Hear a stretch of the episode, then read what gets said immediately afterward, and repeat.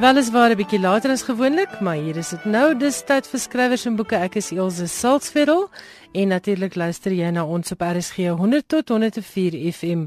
En baie welkom ook aan diegene wat van oorsee af saam luister via ons webwerf by rsg.co.za.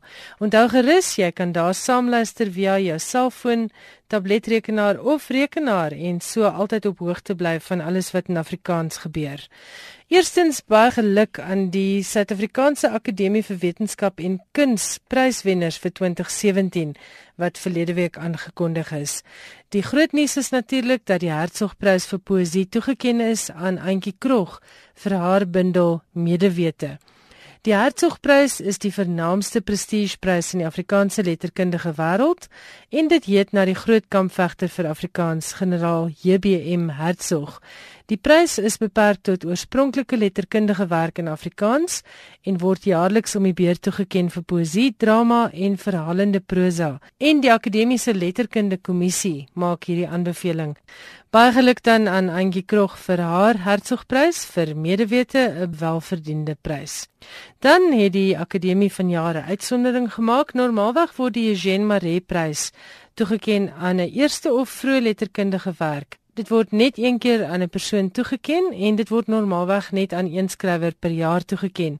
Maar vanjaar het die Akademie vir Wetenskap en Kuns besluit om dit aan 3 skrywers toe te ken. Lynn Botha ontvang dit vir Wonderboom, haar prosa debuut. Amy Jefta ontvang dit vir Kristal Vlakte, haar drama debuut En Bibi Slippers kry dit vir Fotostaat Masjien haar poësie debuut. Aan julle drie ook baie geluk hier van skrywers en boeke se kant. Dan die Suid-Afrikaanse Akademieprys vir vertaalde werk gaan aan Dr Daniel Hugo vir Oorlog en Terpentyn en dit is natuurlik 'n boek wat ook al hier op skrywers en boeke draai gemaak het. Toe Johan Meiburg met die Nederlandse skrywer Stefan Hertmans daaroor gesels het. Daniel baie geluk met hierdie prys vir jou vertaling van Oorlog en Terpentyn. Die LW Hemstra prys vir nuwe fiksie word elke 3 jaar oorweeg vir 'n oorspronklike nuwe fiksiewerk in Afrikaans wat nie beperk is tot die vakspesialis nie. En vanjaar word dit toegekend aan Karel van der Merwe vir sy boek Donker Stroom wat natuurlik handel oor die lewe van Eugène Marais. Dan is daar ook 'n erepenning vir radiodrama in Afrikaans. En dit gaan aan Marita van der Vyver vir genade. Met hierdie drama het Marita twee onvergeetlike karakters geskep. 'n Egpaar wat 'n lang en gelukkige huwelik gesmaak het, word onderwerp aan die vrou se demensie of dan Alzheimer se siekte. En die akademiese kommentaar hierso is net die skrywer slaag daarin om twee volbloed mense daar te stel en terselfdertyd met subtiliteit en besonder raak gekose woorde en omstandighede die toename in die simptome van die gevreesde siekte vas te vang. Dit word nooit 'n mediese lesing nie, maar bly 'n eg menslike verhaal vol kinkels en humor en pathos. En natuurlik kan jy na hierdie drama gaan luister. Dit is Marita van der Vyver se drama Genade. Dit is op RSG se webwerf onder potgoeie want ons het dit uitgesaai. En dan 'n baie welverdiende prys, myns insiens, is die erepenning vir die bevordering van geskiedenis wat die akademie vanjaar toeken aan Dr Nicole Stassen van Protea Boekhuis. Nou Nicole is ook 'n gereelde gas hierso op skrywers en boeke en hy ontvang hierdie erepenning vir sy werk oor 'n baie wye front en die baie positiewe bydrae wat hy lewer tot die studie van geskiedenis in Suid-Afrika en spesifiek in Afrikaans. Nie alleen het hy met sy eie publikasies 'n unieke bydrae tot ons kennis van die Suid-Afrikaanse geskiedenis gelewer nie, maar hy speel as uitgewer en boekhandelaar 'n prominente rol in die ontginning van geskiedeniswerke En as 'n mens dan die begrip kultuurgeskiedenis breër interpreteer vanweë die publikasie van Afrikaanse poësie, prosa en dramakuns en die vertaling na Afrikaans van anderstalige werke van fiksie en nie fiksie. Dis 'n hele mond vol deur die Akademie vir Wetenskap en Kuns, maar dit bevestig maar net weer dat Dr Nicole Stassen van Protea Boekehuis uitstekende werk doen in en vir Afrikaans. Baie geluk aan al hierdie wenners. Julle pryse word later vanjaar toegekend by twee prestigegeleenthede. Geniet elke oomblik daarvan en ook 'n hartlike dankie aan die Akademie vir Wetenskap en Kuns wat jaar na jaar sorg dat goeie Afrikaanse letterkunde bekroon word. Ek is Elsje Saltzfeld, hierdie is skrywers en boeke en nou gaan ek gesels met nog iemand op wie Afrikaanse lesers baie trots kan wees. Skrywers en boeke elke woensdag aand tussen 8 en 9. Ek het so 'n week of 3 gelede hier vertel dat Jaco Jakob se boek 'n goeie dag vir boomklim deur 'n paneel Britse kinderboekkenners aangewys is as een van vanjaar se vier eretitels vir die One World projek. En ons het sopas die goeie nuus gekry dat die wêreldwye regte vir die Engelse vertaling van hierdie boek aan die Londense uitgewery One World Publications verkoop is. Die proefvertaling vir die boek is deur Kobus Geldenhuys gedoen en Kobus met wie ek ook al hier op die program gesels het, sal ook uiteindelik die vertaling doen van hierdie boek vir die internasionale publikasie. Mimi Du Plessis van Lapa Uitgewers het in 'n persvrystelling gesê Lapa is ongelooflik trots dat One World, 'n uitgewery met 'n uitstekende reputasie en bekend vir passie, hulle vertroue in Lapa en ons topverkoper skrywer Jaco Jacobs geplaas het. En Jaco het in die 16 jaar wat hy by Lapa publiseer al meer as 'n miljoen kopieë van sy boeke verkoop. En vra maar vir enige kind en enige tiener oor Jaco Jacobs. As hulle lesers is, sal hulle vir jou vertel. Hulle ken Jaco se werk en hulle is gaande daaroor. Ek gesels nou met Jaco oor hierdie besonderse prestasie om 'n internasionale deurbraak te maak in die baie kompeterende kinderboekbedryf. Goeienaand Jaco en baie geluk. Baie dankie vir die gelukwensing. 'n Goeie dag vir Boomklim is verlede jaar natuurlik ook bekroon met die Kyknet rapportprys in die filmkategorie en die rolprentregte is aan Mnet toegeken. Weet jy al iets meer van die vervulling van hierdie boek? Uh Ilse nee, die rolprentregte is redelik onlangs toegeken. So ek het nog nie 'n idee wie die wie die draaiboek gaan skryf en wie almal daarin gaan wees en so aan nie, maar dis soos altyd is dit 'n baie opwindende proses om dop te hou, so ek sien baie uit daarna. Dis twee baie groot vere in jou hoed vir hierdie boek 'n goeie dag vir boomklim. Vertel ons kortliks waaroor gaan dit? 'n Goeie dag vir boomklim is die storie van Marnus. Nou Marnus is 'n doodgewone normale seunskind. Al wat in sy lewe nog al 'n probleem is dat hy 'n middelkind is. Hy het 'n jonger broer en 'n ouer broer wat albei nogal baie aandag trek. Sy jonger boetie is is net 9 jaar oud, maar hy's klaar 'n entrepreneur wat die skool snoepie van voorraad voorsien en met allerlei geld maak planne voor 'n dag kom wat nie almal ewe wettig is nie. En sy ouer broer is die skool se swemster en al die meisies se held en Marnus verdwyn so 'n bietjie tussen hulle twee. Jy weet soos baie middelkinders baie keer voel. En dan 1 Desember vakansie is dit 'n aardige tyd by die huis en hy wens die vakansie om, sy beste pel is weg. En dan op 'n dag klop daar hierdie baie vreemde meisie aan hulle deur en op 'n manier oorreed sy Marnus om saam met haar in 'n boom te klim, 'n boom wat binnekort deur die munisipaliteit afgekap gaan word. En hulle twee het so 'n soort van 'n sit-in in hierdie boom en hulle proteseer op in vir amper 'n week lank wat hulle in hierdie boom bly sit. En Marnus vind dan uit hierdie meisie Leila het 'n geheim. Daar's 'n baie spesifieke rede waarom sy in hierdie spesifieke boom wil sit en dit wil red. En Marnus kry vir die eerste keer in sy lewe die kans om dan raak gesien te word en 'n bietjie um, in die kollig te kom soos wat sy twee broers ook was. Dit klink vir my baie lekker en om hierdie boek dan nou ook nou in Engels uitgegee te kry internasionaal nie net plaaslik nie. Hoe voel dit? Ja, dis dis uit die aard van sake is dit vir my 'n groot voorreg en is baie baie lekker om om te weet die boek gaan gaan verder as wat mense gedink het dit sal gaan. Maar dis natuurlik ook 'n bietjie skrikwekkend. Mense het geen idee hoe dis 'n heel nuwe gehoor waaraan die, die storie blootgestel word. So ek sien baie uit daarna om te sien wat die reaksie gaan wees van van oorseese lesers op die boek. Ek kry baie dikwels te doen met aspirant-skrywers wat somme nog voordat hulle weggespring het droom van die internasionale deurbraak. Maar kom ons praat 'n bietjie hoe lank dit jou geneem het om hier te kom. Ja, ek het in 2001 het ek my eerste boek gepubliseer en ek het sedertdien ek dink 131 boeke geskryf. En ek moet jou sê ek het nie een van hulle geskryf met die idee van 'n internasionale deurbraak soos jy dit noem of van 'n internasionale skrywerskontrak in gedagte nie. Ek het in die eerste plek skryf ek om myself te vermaak en om goeie stories hopelik te vertel. So dit was baie onverwags moet ek vir jou sê hierdie betaalkontrak. Vir wie skryf jy die graagste vir die heel kleintjies of vir die tieners? Weet jy, ek het nie regtig 'n gunsteling gehoor as ek so moet sê nie. Dat dit dit hang af Partykeer kom 'n storie na jou toe en dan moet jy vir jouself gaan vra vir watter gehoor gaan hierdie storie werk. So dis eintlik maar hoe dit vir my werk. Jy weet, ek kry 'n storie idee en dan dink ek hierdie storie gaan beter werk vir kleuters of gaan beter werk vir die jy weet lesers van so 9 tot 12 jaar of dan vir tieners. Maar ek moet sê as ek as ek moet sê wat die maklikste vir my werk is, dit waarskynlik kinders van so 9 tot 12 jaar. Ek dink dit is die genre waarna ek die maklikste skryf en dalk die gemaklikste invoel.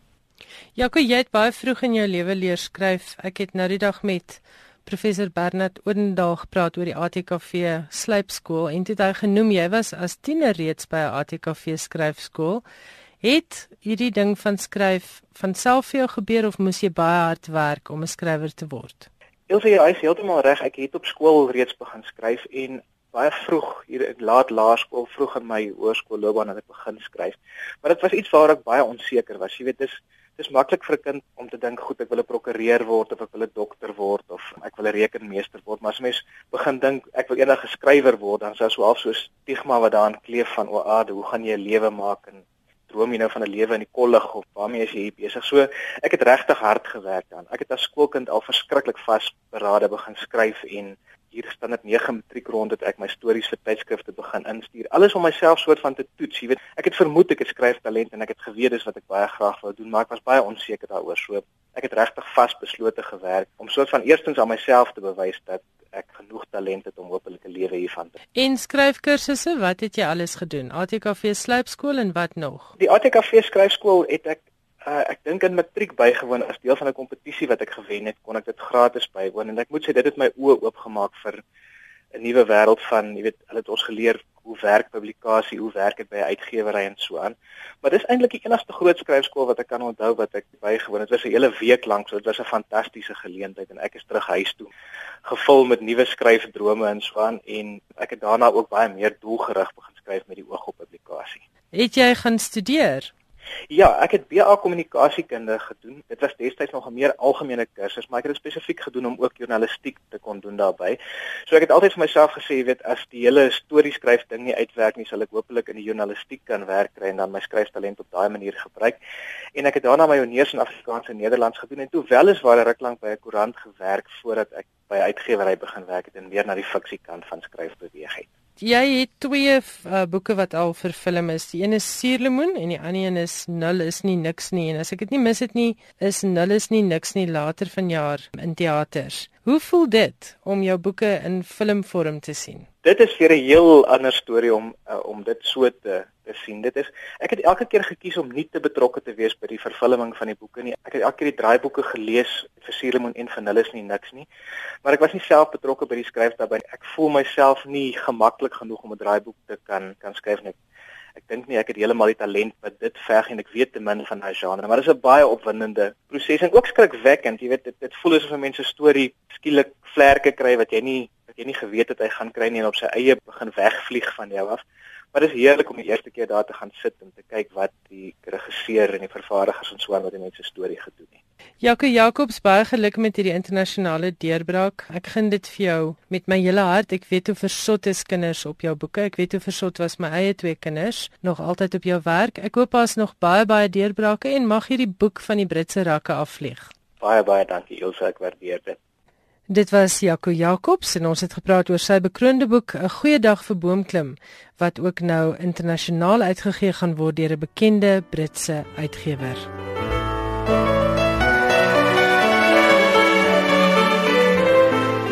Gesels vanaand met Sheraldine van der Merwe. Sy is die projekorganiseerder van die Vriende van Afrikaans wat sedert September 2014 'n uh, afdeling van die ATKV is. Maar Sheraldine, Vriende van Afrikaans het nog steeds sy eie identiteit behou en julle gaan nog steeds aan met julle eie projekte en baie daarvan is rondom boeke gesentreer. Vertel vir ons 'n bietjie daarvan. Baie dankie Ilse, goeienaand aan al die luisteraars en baie dankie vir die geleentheid wat die vriende van Afrikaans kry om 'n bietjie te vertel oor wat werk ons doen. Soos reeds genoem is ons 'n uh, divisie van die ATKV sedert 2014 uh, met behoud van ons identiteit wat eenvoudig beteken dat ons kan voortgaan met al ons projekte en selfs um, verder uitbrei en ook um, landwyd betrokke raak en bly by alles wat saak maak um, rondom boeke en opvoeding. Die vriende het begin met 'n voorleesprojek uh, wat ons maar um, hoofsaaklik vrywilligers gebruik het om ons te help om skole om en instel om bos te gaan voorlees by kleuterskole. Dit is ook maar hoofsaaklik uh, ons fokus kleuterskole uh, grondslagfase vir al die graad R klassies want ons voel dat daar is die gedeelte van die kinders maar meestal afgeskeep word omdat daar meer gefokus word om in die skole te werk en ons glo by die ATKV dat hoe vroeër ons natuurlik die kind kan bereik en bloot kan stel aan boeke, daar hulle voorgeles word, die liefde van stories ontwikkel, hoe gou beter kan ons dit doen? Daarom is ons fokus maar meeste al uh, op daai gebied. Toe ons nou begin voorlees by die kleuterskole, het ons agtergekom dat in die meeste van die gevalle is daar in die eerste plek uh nie genoeg bergruimte of rakke waar die boeke moet kom nie. Ehm um, daar is ook nie regtig geskikte boeke om vir die kinders uit voor te lees nie. En so het ons boektrommel projek ontstaan wat die vriende se vlaggenskap projek is. Ons koop meeste van die boeke aan ehm um, deur Lapa Uitgewers wat natuurlik ook 'n affiliaat van die ATKV is, maar ook Biblionef in Plumstead wat vir ons 'n skrikkelike goeie diens lewer uh, om die geskikte boeke te kry en die boeke dan ook in al die 11 landstale beskikbaar is. Ons het oor die jare baie goeie verhouding opgebou met Lapa en en Biblionef. Die um, trommels is um, sulke blou blik trommels waar ongeveer so tussen 80 tot 110 boeke inkom wat geskik is. Natuurlik kyk ons na al die soorte kwessies en temas wat van toepassing is op die kinders soos byvoorbeeld sosiale omstandighede kwessies, uh boelie gedrag oor higiëne vir die kinders hoe om na hulle lyfies te kyk byvoorbeeld hierdie uh, boek Parmant as strand wat sê dat dit sy lyfie is. So ons ons probeer die geskikte boeke kry dat die kinders blootgestel word om te weet hoe hulle moet optree. Ehm um, nog 'n baie oulike boek is die Babalela boek wat ons gebruik wat vir mense sê los my uit. Ek is Babalela, so as iemand aan jou wil vat of iets aan jou wil doen, moet jy die mag hê om hom te sê los my uit. Hy moet die kind moet weet dat hy ook 'n stem het. So um, rondom dit wil uh, kyk ons na goed bestuurde kleuterskole natuurlik landwyd en in die meeste gevalle is die nood groot want eelse ons het agtergekom dat in die meeste gevalle waar dit nou maar die plekke geprivatiseer is die eerste nood is om om te sorg dat daar daar vir die kinders 'n uh, uh, plekkie is om te rus en en dat hulle kos kry. So die prioriteit van boeke is nie baie hoog nie. Dit is waar ons inkom so ons sorg dat daar boeke kom Maar ons gaan nie net ook die boeke aflei nie. Saam met dit doen ons ook boekopvoeding. Ons het ook gesien dat omdat die kinders nie blootstelling aan boeke het nie, uh weet die meeste van hulle nie hoe om met die boeke te werk nie.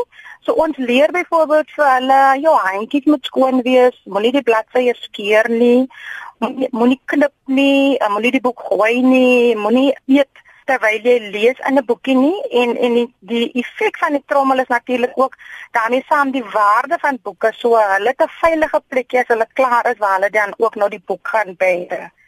So dit is rondom die voorlees en dan ook ons boektrommel um, projek waaroor ons verskriklik opgewonde is want daai gesiggies wat jy sien as jy daar aankom en hoe opgewonde die kinders is en ook nou maar net weer vir ons te bewys is dat almal lief is vir stories en as ons dit reg kry om daai liefde by hulle te kweek voordat hulle regtig in die skool kom en moet leer, dan glo ons ons het al halfpad gewen.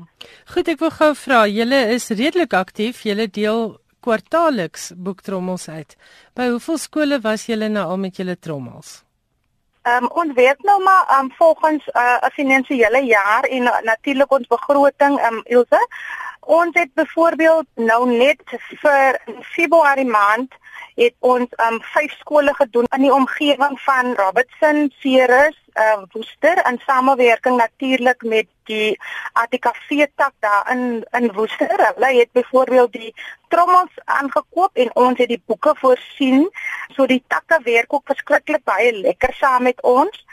En dan verlede week was Amanda wat nou die bestuurder is van die FSA het sy in Vredendal en van Reinsdorp daar vir 'n um, 5 graad R klasse trommels geskenk en ook voorleeswerkswinkel gedoen met oor die 60 onderwysers wat dit bygewoon het as ons nou net kyk ons finansiële jaar het sopas begin en ons kon nou al eintlik by meer as 10 skole um, uitkom in die kort tydjie. En net 1 maand, dis wonderlik.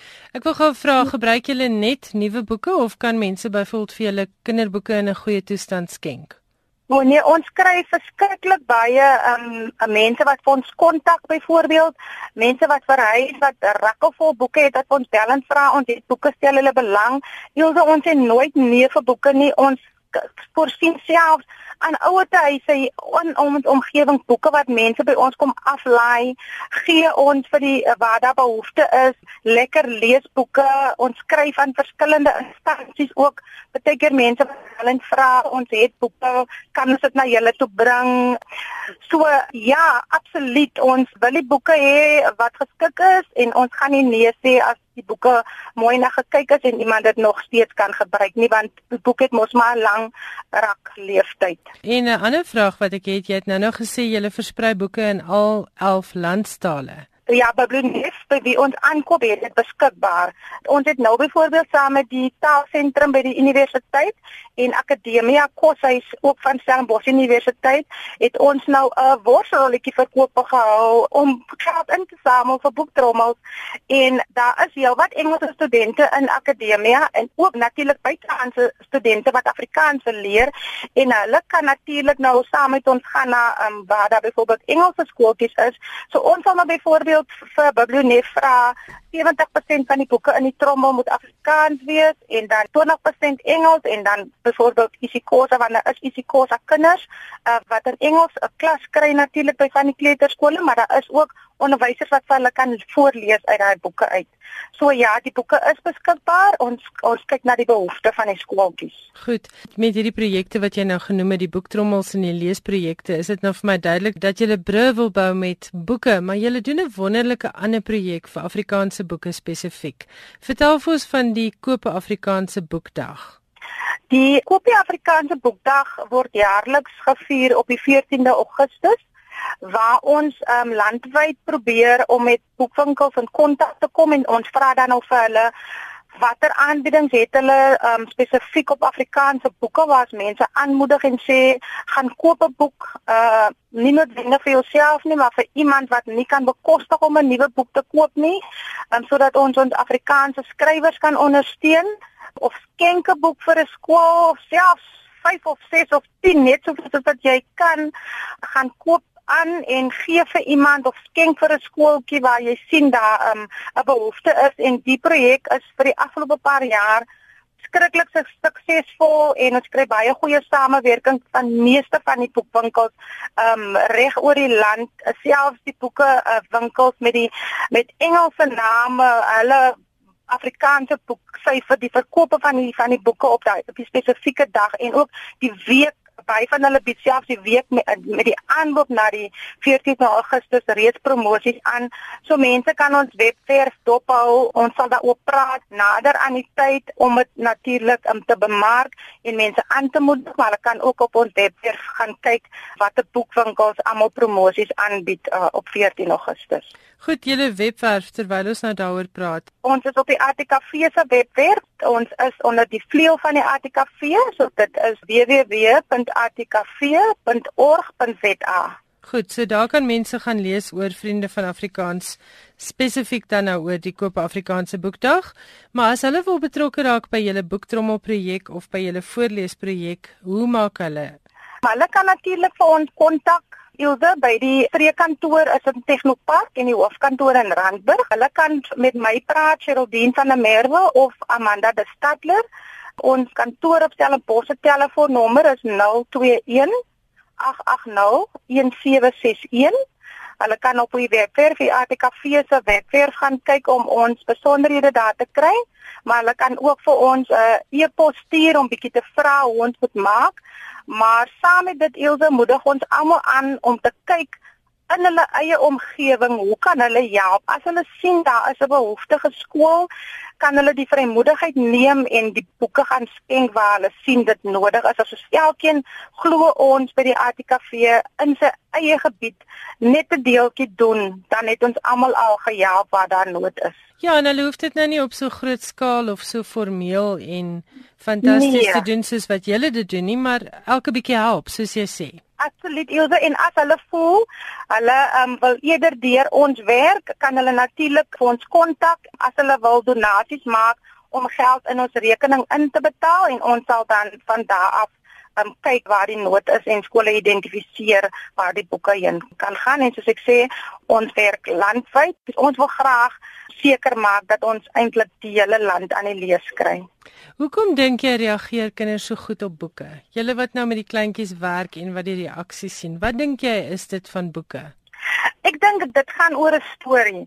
En ek persoonlik glo dat elke mens het 'n storie en 'n mens kan identifiseer met die meeste van die stories wat in boeke is, kan jy jouself identifiseer en jy kan sien en aanklank vind natuurlik en en dink wat baie belangrik is is baie keer dan dink 'n mens jy is alleen met een of ander probleem of uitdaging en dan as jy die storie hoor dan besef 'n mens eintlik maar dit dit gebeur eintlik oral soos die een spesifieke boek wat ons voorlees uh, gaan oor hoe anders ons almal is en as ons hartseer is dat ons huil, as ons bly is dat ons lag, dit maak nie eintlik saak hoe my hare lyk of wat die kleur van my oë of my vel of waar ek woon of watter werk ek doen nie, maar wat daarop neerkom op die einde sê die storie is ons almal se bloed is rooi. En uh, Amanda het byvoorbeeld by die een skooltjie in Stellenbosch die storie gelees waarop 'n seentjie geantwoord het toe sy klaar gelees het ek het eintlik nog nooit so aan gedink nie.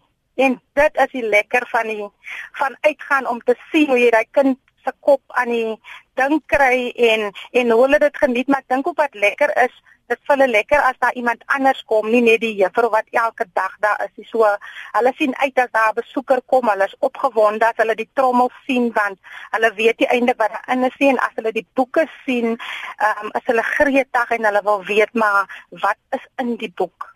En dit is dit is wat wat dit vir ons so lekker maak vir die werk wat ons doen. Julle doen wonderlike werk, Sherilyn. Baie baie dankie daarvoor. Ek gaan nou vir luisteraars vra om julle te kontak.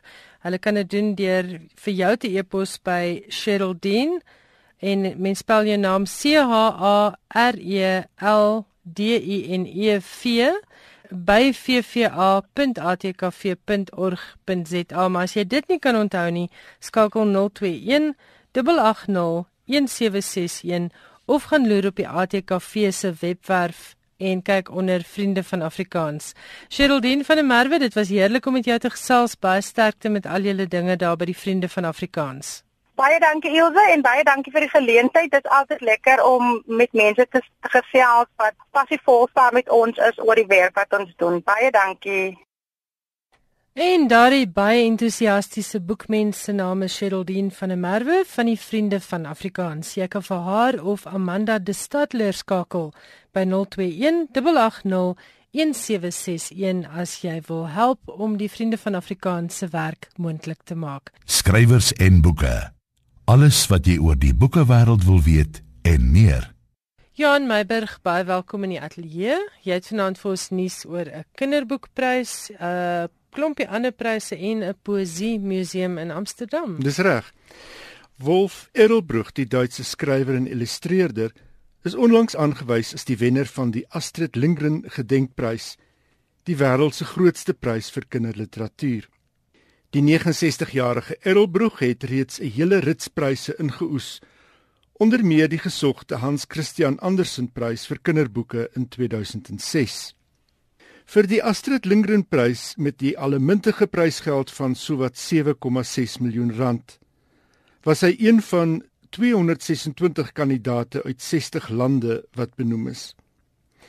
Die prys genoem na die skrywer van die Pippi Langkous verhale word jaarliks toegekend aan werk van hoogstaande artistieke gehalte wat uitdrukking gee aan die humanitêre waardes wat Lindgren nagestreef het. Die beoordelaars het in 'n verslag na Errolbroeg verwys as 'n visionêre skrywer wat omgee en wat eksistensiële kwessies toeganklik en verteerbaar aanbied vir lesers van alle ouderdomme.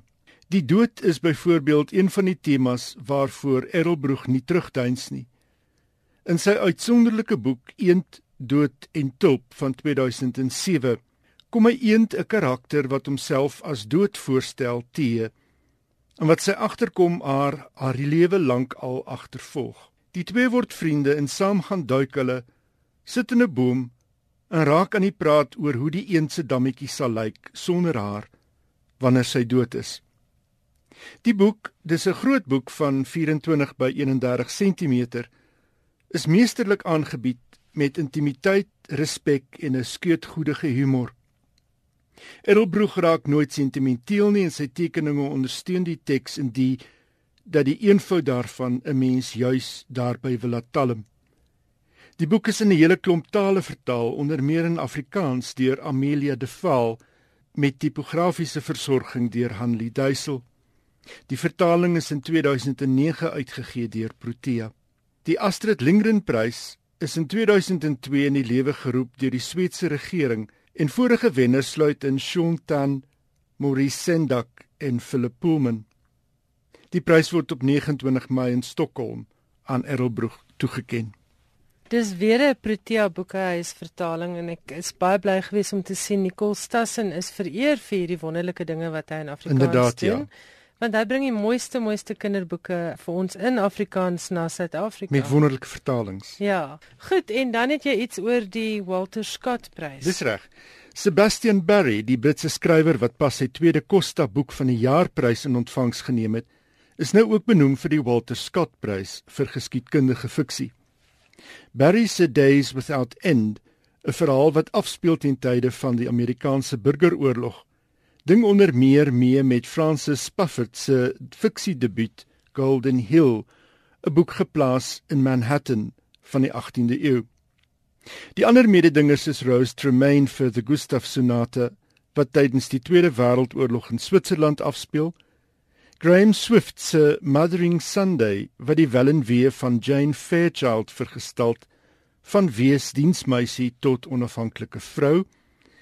Joe Baker se A Country Road a Tree, Charlotte Hobson se Russiese revolusiedrama The Vanishing Futurist en Hannah Kent se The Good People geplaas in die landelike Ierland van die 1820s.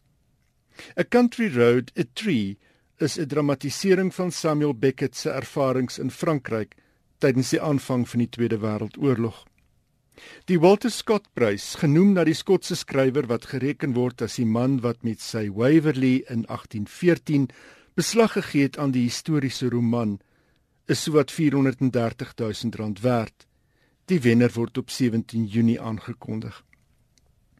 Die Folio-prys, die literêre prys wat in 2014 die eerste keer toegekend is uit frustrasie heens die Man Booker-prys, word vanjaar vir die derde keer toegekend nadat die prys verlede jaar nie toegekend is nie.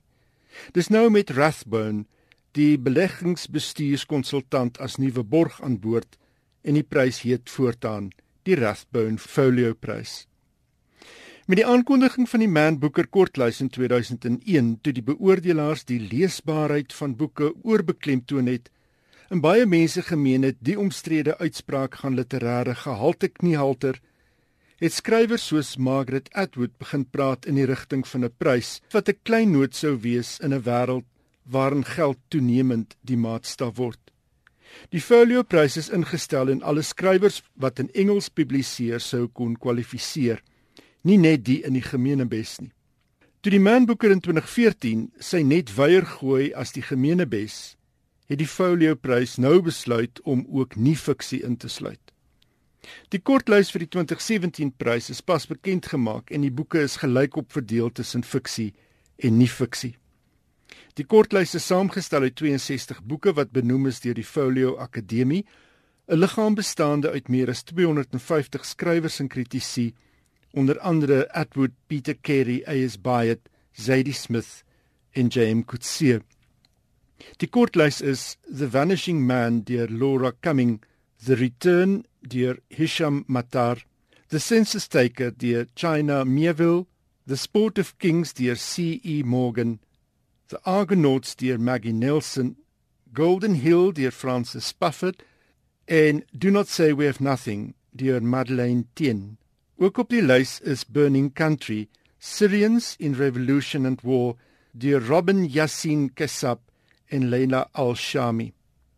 Die wenner word op 24 Mei aangekondig en die prysgeld is sowat 350 000 rand. En dan het jy nuus oor 'n wonderlike letterkundige ervaring wat alles moontlik gemaak word deur moderne tegnologie. 'n Virtuele poesiemuseum het onlangs in Amsterdam sy deur oopgestoot by wyse van spreuke. Nie dat die museum deure of mure het nie. Nie aanlyn nie en ook nie in sy fisieke vergestalting deur middel van geaugmenteerde werklikheid nie.